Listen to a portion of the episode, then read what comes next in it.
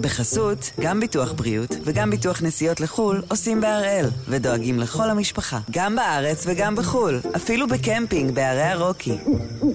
כן, גם שם, כפוף לתנאי הפוליסה וסייגיה ולהנחיות החיתום של החברה. היום יום רביעי, תשעה בפברואר, ואנחנו אחד ביום, מבית N12.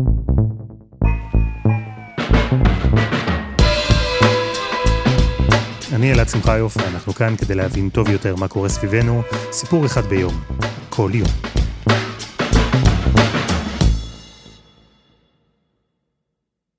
יש משהו שנשמע מאוד פומפוזי במונח תעודת בגרות, נכון? תלמיד או תלמידה מסיימים 12 שנות לימוד, עוברים כמה מבחנים ומקבלים מהמדינה תעודה, זהו, אתם בוגרים. אתם בוגרים של מערכת החינוך, אבל אתם גם בוגרים באופן כללי. מתחילים את החיים האמיתיים, אתם מוכנים. אלא שכל מי שעבר מבחני בגרות, גם מי שלא, האמת, בטח שאל את עצמו מתישהו, זהו, זה המדד, זה הסף שבו אני עובר מילד לבוגר, לאדם שבאמת מוכן לחיים האמיתיים. משפט פיתגורס, צ'כוב, present progressive, עם כל הכבוד, זה מה שצריך. וזו שאלה שמתברר שנשאלה כבר יותר מ-100 שנה במערכת החינוך שלנו. ועכשיו, שוב, היא מגיעה אולי להכרעה. וההכרעה הזו אומרת שלא, המודל שאנחנו מכירים בבחינות הבגרות הוא לא רלוונטי, הוא לא יעיל, הוא לא נכון.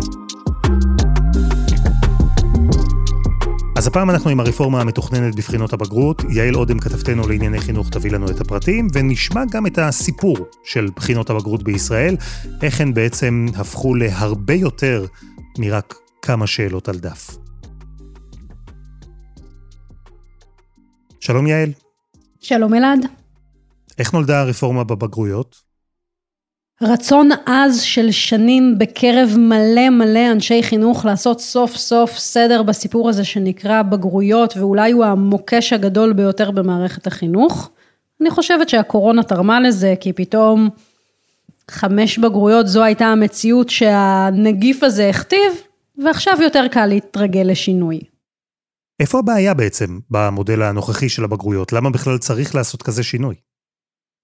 ישראל היא השיאנית העולמית במספר הבגרויות. תלמידים נאלצו לשבת על 12 עד 14 בגרויות, בעצם זה הפך להיות חזות הכל. זה לייצר אחוזי זכאות לבגרות ואחוזי מצטיינים מצוינים, שזה בסוף רק סנן לאוניברסיטאות.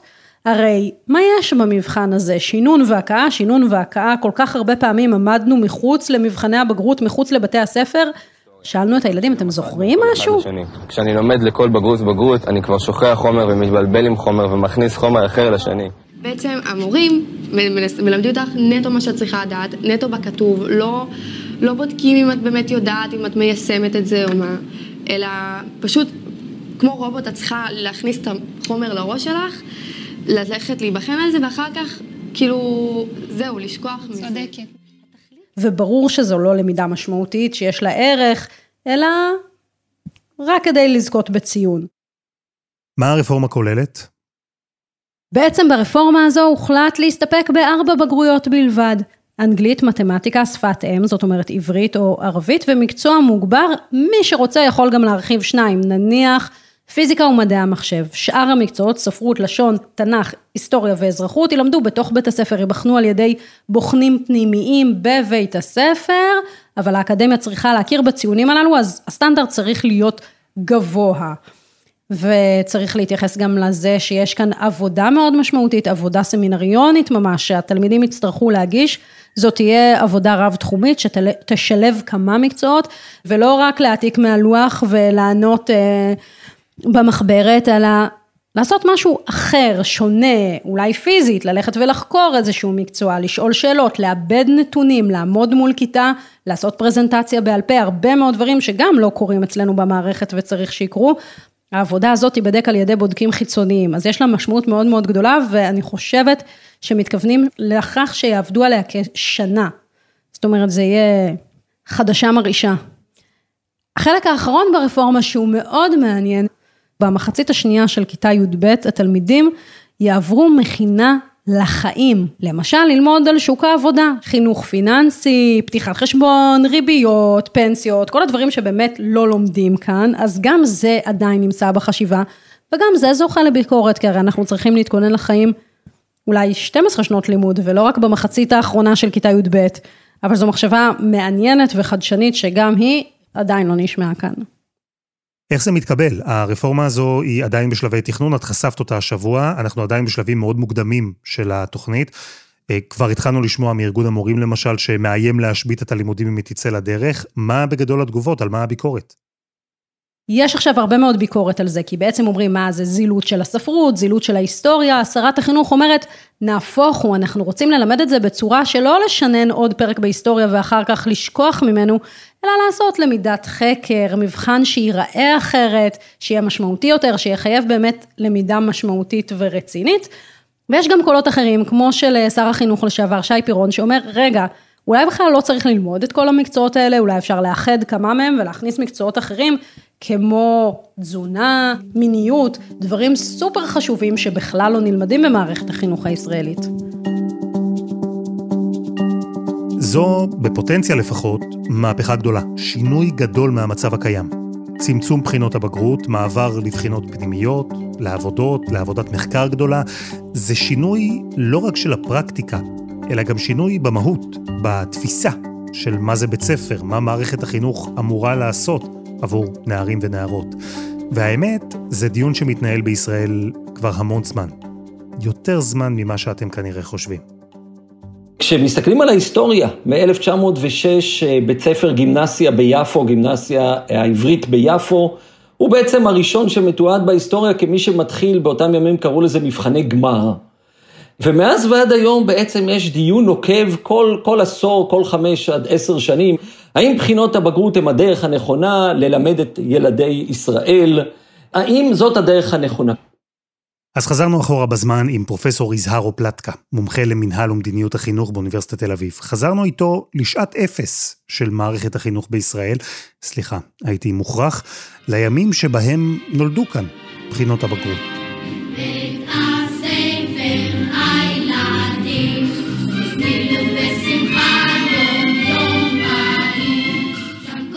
כשב-1906 מוקמת הגימנסיה העברית ביפו, אנחנו צריכים להבין שהיא מוקמת כאנטיתזה לחינוך הדתי.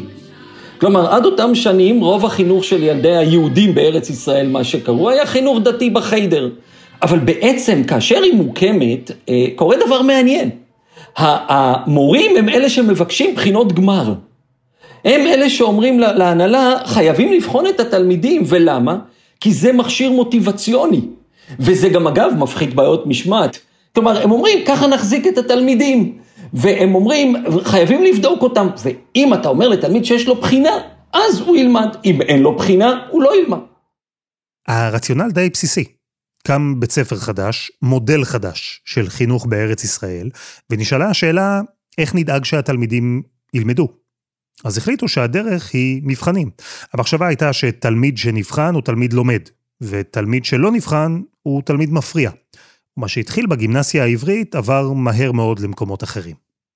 הדבר המעניין הוא שבאותם שנים, אה, במערכת החינוך יש דבר אגב מאוד מעניין, בתי ספר מחקים בתי ספר אחרים. יש מין חיקוי כזה, כי אף אחד לא יודע איך באמת צריך ללמד. אז אם אצל ההוא זה הצליח, בואו ניקח גם אלינו. ובאמת, בתי ספר נוספים שקמים בחינוך העברי, אני מדגיש החילוני, מחקים את אותו דבר. אבל, וזה אבל גדול, כל בית ספר לעצמו.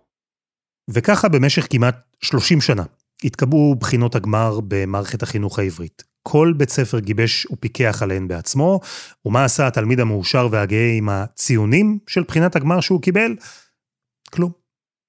תזכרו שרק ב-1925 קמה האוניברסיטה העברית. כלומר, עד אז זה לא היה למען השכלה גבוהה, למעט מעטים למדו שם. ובעצם, כשקמה האוניברסיטה העברית, ראשיתם של בחינות הבגרות.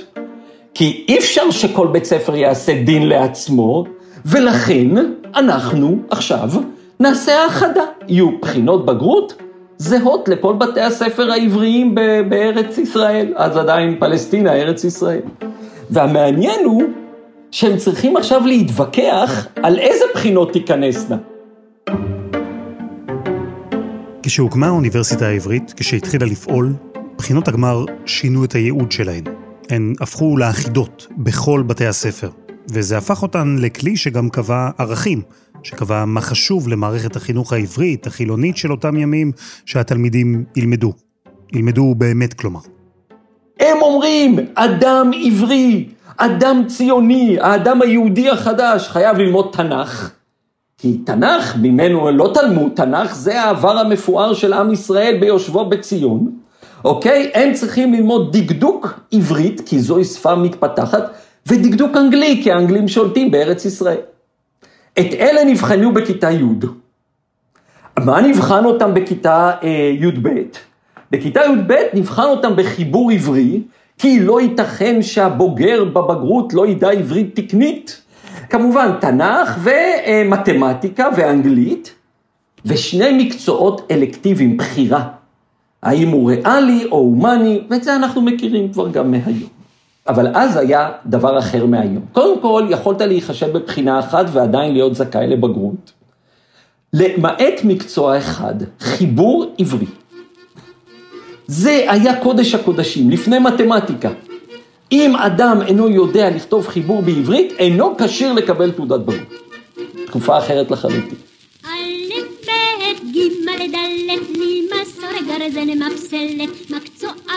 והיה עוד שינוי שקרה אז בבחינות הגמר. בנוסף לאחידות, לערכים, הן הפכו בשלב הזה גם לכרטיס הכניסה לאוניברסיטה, לכלי שאולי מנבא איך תלמיד תיכון יהיה בתור סטודנט. אני לא חושב שהם עדיין השתמשו במילה לנבא, אבל מבחינתם זה היה מכשיר מיון. אף פעם לא חשבו שזה הדרך הכי טובה. כלומר, כבר אנחנו רואים בשנות ה-30 וגם בשנות ה-40 כל מיני טענות נגד, שזה גורם להתמקד רק בלמידה עצמה, ובמקום ללמד את הילד גישה הוליסטית יותר, הבחינות בודקות רק חלק. זה כל הזמן אותו מתח בין מצוינות לבין האידיאל החברתי. גם אז, ואנחנו מדברים על לפני 90 שנה, התנהל ויכוח, וזה ויכוח שמוכר לנו היטב גם היום, על חינוך אל מול למידה למבחנים. אלא שאז, בניגוד להיום, תעודת בגרות לא הייתה איזה משהו נחשק, כי אוניברסיטה לא תמיד נתפסה כמשהו נחשק. עכשיו, צריך לזכור עוד דבר, באותם שנים רק 20 אחוז בערך למדו במסלולים עיוניים. הרוב אבל לא היה להם תעודת בגרות ולא כוונו לתעודת בגרות. מה פתאום תעודת בגרות? המשק צריך עובדים, הוא צריך מסגרים, חייטים, אוקיי? אנשי מקצוע, חשמלאים, מה בגרות? אה, צריך להתפרנס, לא לעשות אה, משחקים כרגע.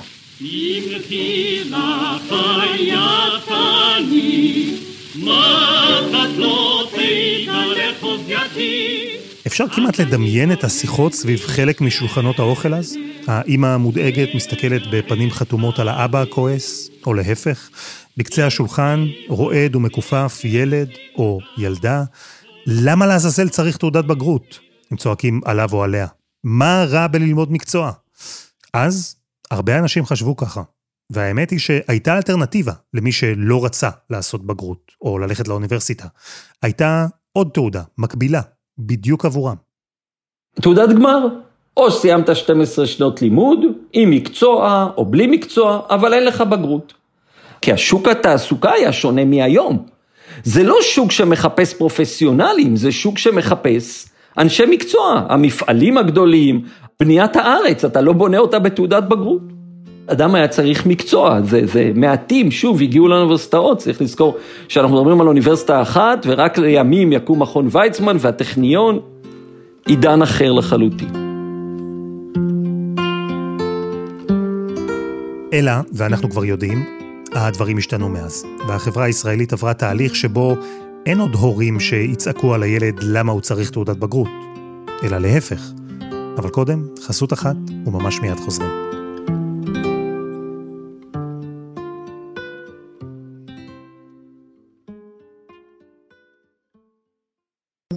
בחסות, גם ביטוח בריאות וגם ביטוח נסיעות לחו"ל עושים בהראל, ודואגים לכל המשפחה, גם בארץ וגם בחו"ל, אפילו בקמפינג בערי הרוקי. כן, גם שם, כפוף לתנאי הפוליסה וסייגיה ולהנחיות החיתום של החברה. אנחנו עם הרפורמה המתוכננת בבחינות הבגרות, רפורמה שתצמצם באופן ניכר את מספר הבחינות, תשנה את האופן שבו מלמדים ומכינים תלמידי תיכון לחיים של אחרי הצלצול, ובמידה רבה רפורמה שתשנה את האופי של מערכת החינוך שלנו, את מה שאנחנו מצפים ודורשים מבתי הספר. פרופסור יזהרו פלטקה היה בעצמו מורה תיכון, היום הוא מומחה למדיניות חינוך, והוא אומר שהשינוי במעמד של בחינות הבגרות הגיע בכלל בעיקר ממה שקרה מחוץ לבתי הספר. שינויים חברתיים בחברה הישראלית. שוק העבודה הופך להיות פרופסיונלי יותר. אה, אנשים חושבים על הקידום של ילדיהם, והקידום נתפס כאוניברסיטה. תפיסת האוניברסיטה כמכשיר מוביליות לאותם אה, בני עולים אה, מצפון אפריקה ומדינות ערב האחרות. כלומר, איזושהי תפיסה חברתית שבאה ואומרת, הבגרות חשובה לנו. זאת אומרת, יש שינויים חברתיים בחברה, והבגרות, השינויים אליה, הם בסך הכל שיקוף של השינויים האלה. ברגע ששוק העבודה השתנה, שהחברה הישראלית השתנתה, שהתפיסה של אוניברסיטה, החינוך הגבוה, שהתפיסה הזו השתנתה, אז גם בחינות הבגרות השתנו. הן הפכו פתאום לדבר חשוב, לדבר הכרחי להצלחה בחיים. והשינוי הזה קרה סמוך לעוד שינוי. גבירותיי ורבותיי, המהפך. עם עליית הליכוד, מי מקבל את משרד החינוך? איש מפד"ל, זבולון המר. צריך גם לזכור עוד דבר, שעד בואו של זבולון המר, החינוך התיכון, תיכוני עולה כסף. מראש מעט תלמידים מגיעים אליו, ומראש אלה שמגיעים בעלי יכולות, או נקרא להם רקע משפחתי שמעודד בגרות. זבולון עמר פותח את מערכת החינוך לכל. הוא אומר חינוך חינם. כלומר, כל הגישה משתנה מחינוך מקצועי בלבד, כי צריך להבין שבשנות ה-50 וה-60 הממשלה עודדה מאוד חינוך מקצועי, אל תפיסה שאומרת בגרות, בגרות, בגרות. וכל אחד יכול, ונגישות לכל, ובגרות היא כרטיס כניסה למוביליות חברתית. במילים אחרות, המהפך ההוא, הפוליטי, קידם גם את המהפך הזה, המהפך במעמד של בחינות הבגרות. התיכונים נפתחו לכולם, חינוך חובה. ובחינות הבגרות הפכו לחשובות אפילו יותר, כי ברגע שכולם למדו בתיכון, שיש יותר אנשים שניגשו והיו זכאים לתעודת בגרות, אז עצם זה שיש תעודה, זה כבר לא היה מספיק כדי להתקבל לאוניברסיטה. צריך היה לברור יותר בקפידה. כשהבגרות הפכה לחשובה, כשהפוקוס עבר לשם, אז האלטרנטיבה, החינוך המקצועי, הוא הפך לפחות חשוב. ומשרד החינוך סוגר בתי ספר מקצועיים כבר החל משנות ה-80, ומה פתאום מקצועי, ולהפך באה הטענה שאנחנו מפנים את הילדים מהמעמדות הנמוכים, קרי הילדים של העולים מצפון אפריקה ואסיה, אל המקצועי. אז מה פתאום? אז בואו נבטל את המקצועי, ובואו נעביר את כולם תעודת בגרות. לימים יבוא אמנון רובינשטיין ב-1993, ויגדיל את הנגישות להשכלה גבוהה באפשרות לפתוח מכללות. אז עכשיו עוד יותר אנשים רוצים בגרות אז כדי להיכנס למכללות, כי יש כל כך הרבה היצע. והנה כמות, ובישראל יש כמות מכללות עצומה, 60 מכללות בערך אם אני זוכר. זאת אומרת, ואז הקימו עוד אוניברסיטאות, והנה עוד צריכים בגרות. ובעצם התעודה משתנה כי רוצים להקל את השגתה עם השנים. יש תחושה לא טובה שהיא תעודה אליטיסטית. אז אה, מקלים פה ומקלים שם, לא, לא נצא מזה אם אני אתאר את כל ההקלות, אוקיי? אבל, אבל ההקלות הן אה, בואו נקל על תלמיד בבונוסים ובואו ניתן למסלולים מיוחדים ובואו אה, נעשה כיתות מיוחדות ובואו נשנה את היחס בין ציון בית ספר במתכונת לבין ציון הבגרות. וחוזר חלילה, אגב, כל הזמן ניסו וחזרו, ניסו וחזרו. מה שקרה בשנים האלה זה סוג של לופ, שבמידה רבה אנחנו נמצאים בתוכו גם היום. תעודת הבגרות הפכה לדבר שבמידה רבה יקבע את המשך החיים של התלמיד. זה אפשרי כמובן להצליח בלי תעודת בגרות. תשאלו את שר החוץ, ראש הממשלה החליפי, אבל זה קשה יותר, במיוחד למי שלא נולד במשפחה מיוחסת. וזה בדיוק מה שקרה. כי ברגע שכולם למדו בתיכון, וברגע שכולם נמדדו באותו כלי, בחינות הבגרות, פתאום בלטו הפערים. פתאום בחינת הבגרות הפכה לכלי מדידה לא רק של תלמידים, אלא גם של בתי הספר, של מערכות החינוך המקומיות, של יישובים. פתאום אפשר היה לשים מספר, ציון, על אי השוויון. ובמשך השנים ניסו לטפל באי השוויון, בפערים החברתיים. אז ניסו להקל, מבחני מתכונת, מגן, הגרלה, מיקוד, אבל גם הדרך הזו הובילה בעצם לאותו יעד, למטרה האחת והמאוד ברורה, להצליח בבגרויות. הבעיה היא כל הזמן הפער הזה בין שוויון, קו נטוי נגישות, לבין מצוינות. מצד אחד בואו ננגיש אותה, מצד שני בואו נשמור אותה האיכות שלה. וכל הזמן זה מטוטלת, וחברי כנסת מנסים להקל, ומשרד החינוך מנסה להקל, ואז באות האוניברסיטאות וצועקות, זה לא בגרות, איך נגביר את הפסיכומטרי. כל הזמן יש את המתח הזה, וכל הזמן יש גם טענות נגד הבגרות. תראו, זה הפך להיות פסטיבל, זה לא בגרות, כל עיר לוחצת על המורים שלה להעלות את המגן, ראש עיר רוצה לראות מהמנהלים שלו שהציונים עולים, עד כמה יכולה להם לעלות, בסוף יש לימיט. הלחץ הזה שמורגש מסביב הוא משפיע על כולם. מראש העיר, שרוצה להתגרות במערכת החינוך שלו, עד לתלמיד שניגש בסוף לבחינות. באמצע כמובן יש גם את ההורים, את המורים, וכמו שרם כהן, מנהל תיכונת בתל אביב, סיפר לנו, גם המנהלים מושפעים. אני בהחלט יכול לומר לך שאני נמצא בתוך משחק שאני לא משוגע עליו. בתוך משחק שבו בית ספר צריך להראות זכאות גבוהה לבגרות כדי שההורים יכבדו את בית הספר ואת ההישגים שלו. אחרת אתה נתפס כמי שלא מצליח להביא הישגים גבוהים לבית הספר. בעבר, מנהלי בתי ספר קיבלו בתוך טבלת הזכאות לבגרות את מספר תלמידי החינוך המיוחד. ומה שהם נאבקו מאוד קשה זה להוציא את התלמידים של החינוך המיוחד מהסטטיסטיקה של בתי הספר. משום שמה שקרה זה שמנהלי בתי ספר ביקשו שלא יהיו להם כיתות לחינוך מיוחד, שזה פרויקט חברתי ערכי אדיר, כדי שזה לא ייזקף להם אחר כך בתוך הבגרויות, כי חלק מתלמידי החינוך המיוחד לא זכאים לבגרות. ומנהלי בתי הספר שחששו מאוד מזה שזה מוריד להם את הממוצע, התחילו להנשיר ילדים של החינוך המיוחד מבתי הספר. מטורף. ומילא שכל זה היה קורה סביב משהו שיש בו ערך. מילא. אבל הטענה של רם ושל רבים אחרים היא שהריצה אחרי ציונים גבוהים והצלחה בבגרויות היא בעייתית בין היתר כי הבחינות עצמן הן בעייתיות. אפשר לומר שבחינות הבגרות בישראל נעדרות כל השראה. למעשה מדובר בבחינות מאוד אה, לקוניות שילדים צריכים לשנן אותם. יש כאן איזשהו משחק מכור שבו כולם בקריצה מבינים שמה שלומדים זה לא זה, וכולם בקריצה רוצים לעבור את הבחינה הזאת בשלום. וזה נראה רע, וזה נעשה רע, וזה לא טוב. ולמרות שעברו כבר כמעט 120 שנה מאז בחינות הגמר, הגלגול הראשון של בחינות הבגרות, הוויכוח נמשך. ויכול להיות שהסיבה שהוא נמשך היא שעד היום לא באמת החלטנו מה המטרה של בחינות הבגרות. לנבא הצלחה באוניברסיטה? ללמד? לחנך? או לבדוק מי מוצלח יותר בלשנן? בהחלט, ואנחנו גם לא החלטנו מה אנחנו רוצים מהחינוך הציבורי בכלל. החינוך החילוני שואל שאלות שהחברה החילונית שואלת. מה המהות של האדם? מה המהות של מטרתו פה? מה המשמעות שאנחנו מפיקים? לכן הבלבול הזה יימשך כל הזמן, זה מין ריקוד כזה. כל שר מנסה לעשות משהו עם הבגרות, והבגרות לעולם נשארת. זהו, שצריך לומר, בכל כמה שנים יש עוד יוזמה כזו, לשנות את בחינות הבגרות, את כל המודל הזה, והנה, עכשיו אנחנו בפני עוד ניסיון, הפעם של שרת החינוך יפעת שאשא ביטון. הרפורמה הנוכחית, ברגע שמדובר על לצמצם את בחינות הבגרות ולעבור לעבודות. אוקיי? לכאורה יופי.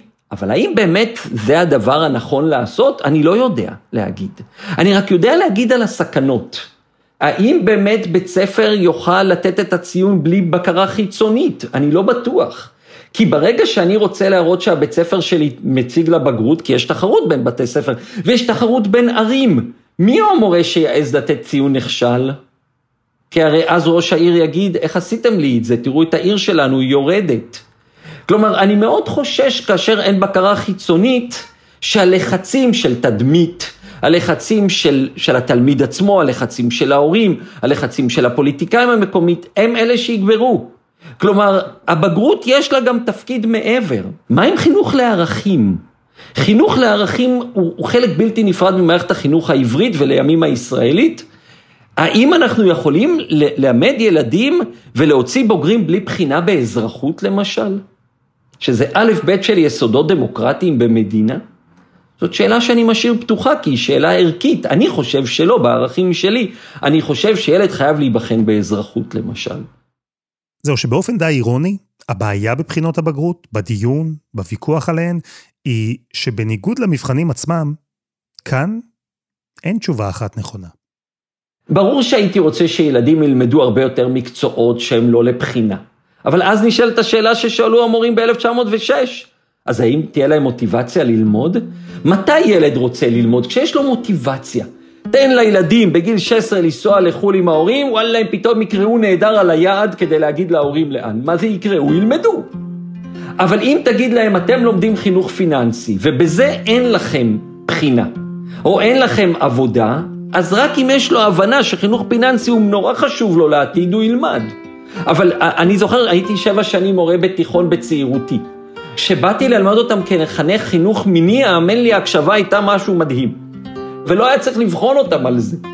שוב פעם חזרנו לעניין המוטיבציה. כלומר, יש כל כך הרבה גורמים שמשפיעים בחינוך, עד כדי כך, ולמה הם יכולים להשפיע? כי חינוך זה אומנות, אנחנו אף פעם לא יודעים מה הדרך הנכונה, וימים יגידו האם הוא היה מהלך אה, נכון או לא נכון, אני לא הייתי משתמש בזה, אלא מה היו ההשלכות של המהלך הזה על בחינות בגרות. וזה היה אחד ביום, של N12. תודה לפרופסור יזהר אופלטקה, לרם כהן וליעל אודם. אם בא לכם להמשיך את השיחה, אנחנו גם בפייסבוק. חפשו אחד ביום, הפודקאסט היומי, אנחנו כבר שם. העורך שלנו הוא רום אטיק, תחקיר והפקה עדי חצרוני, דני נודלמן ורוני ארניב, על הסאונד יאיר בשן שגם יצר את מוזיקת הפתיחה שלנו, ואני אלעד שמחיוף. אנחנו נהיה כאן שוב, גם בשבוע הבא.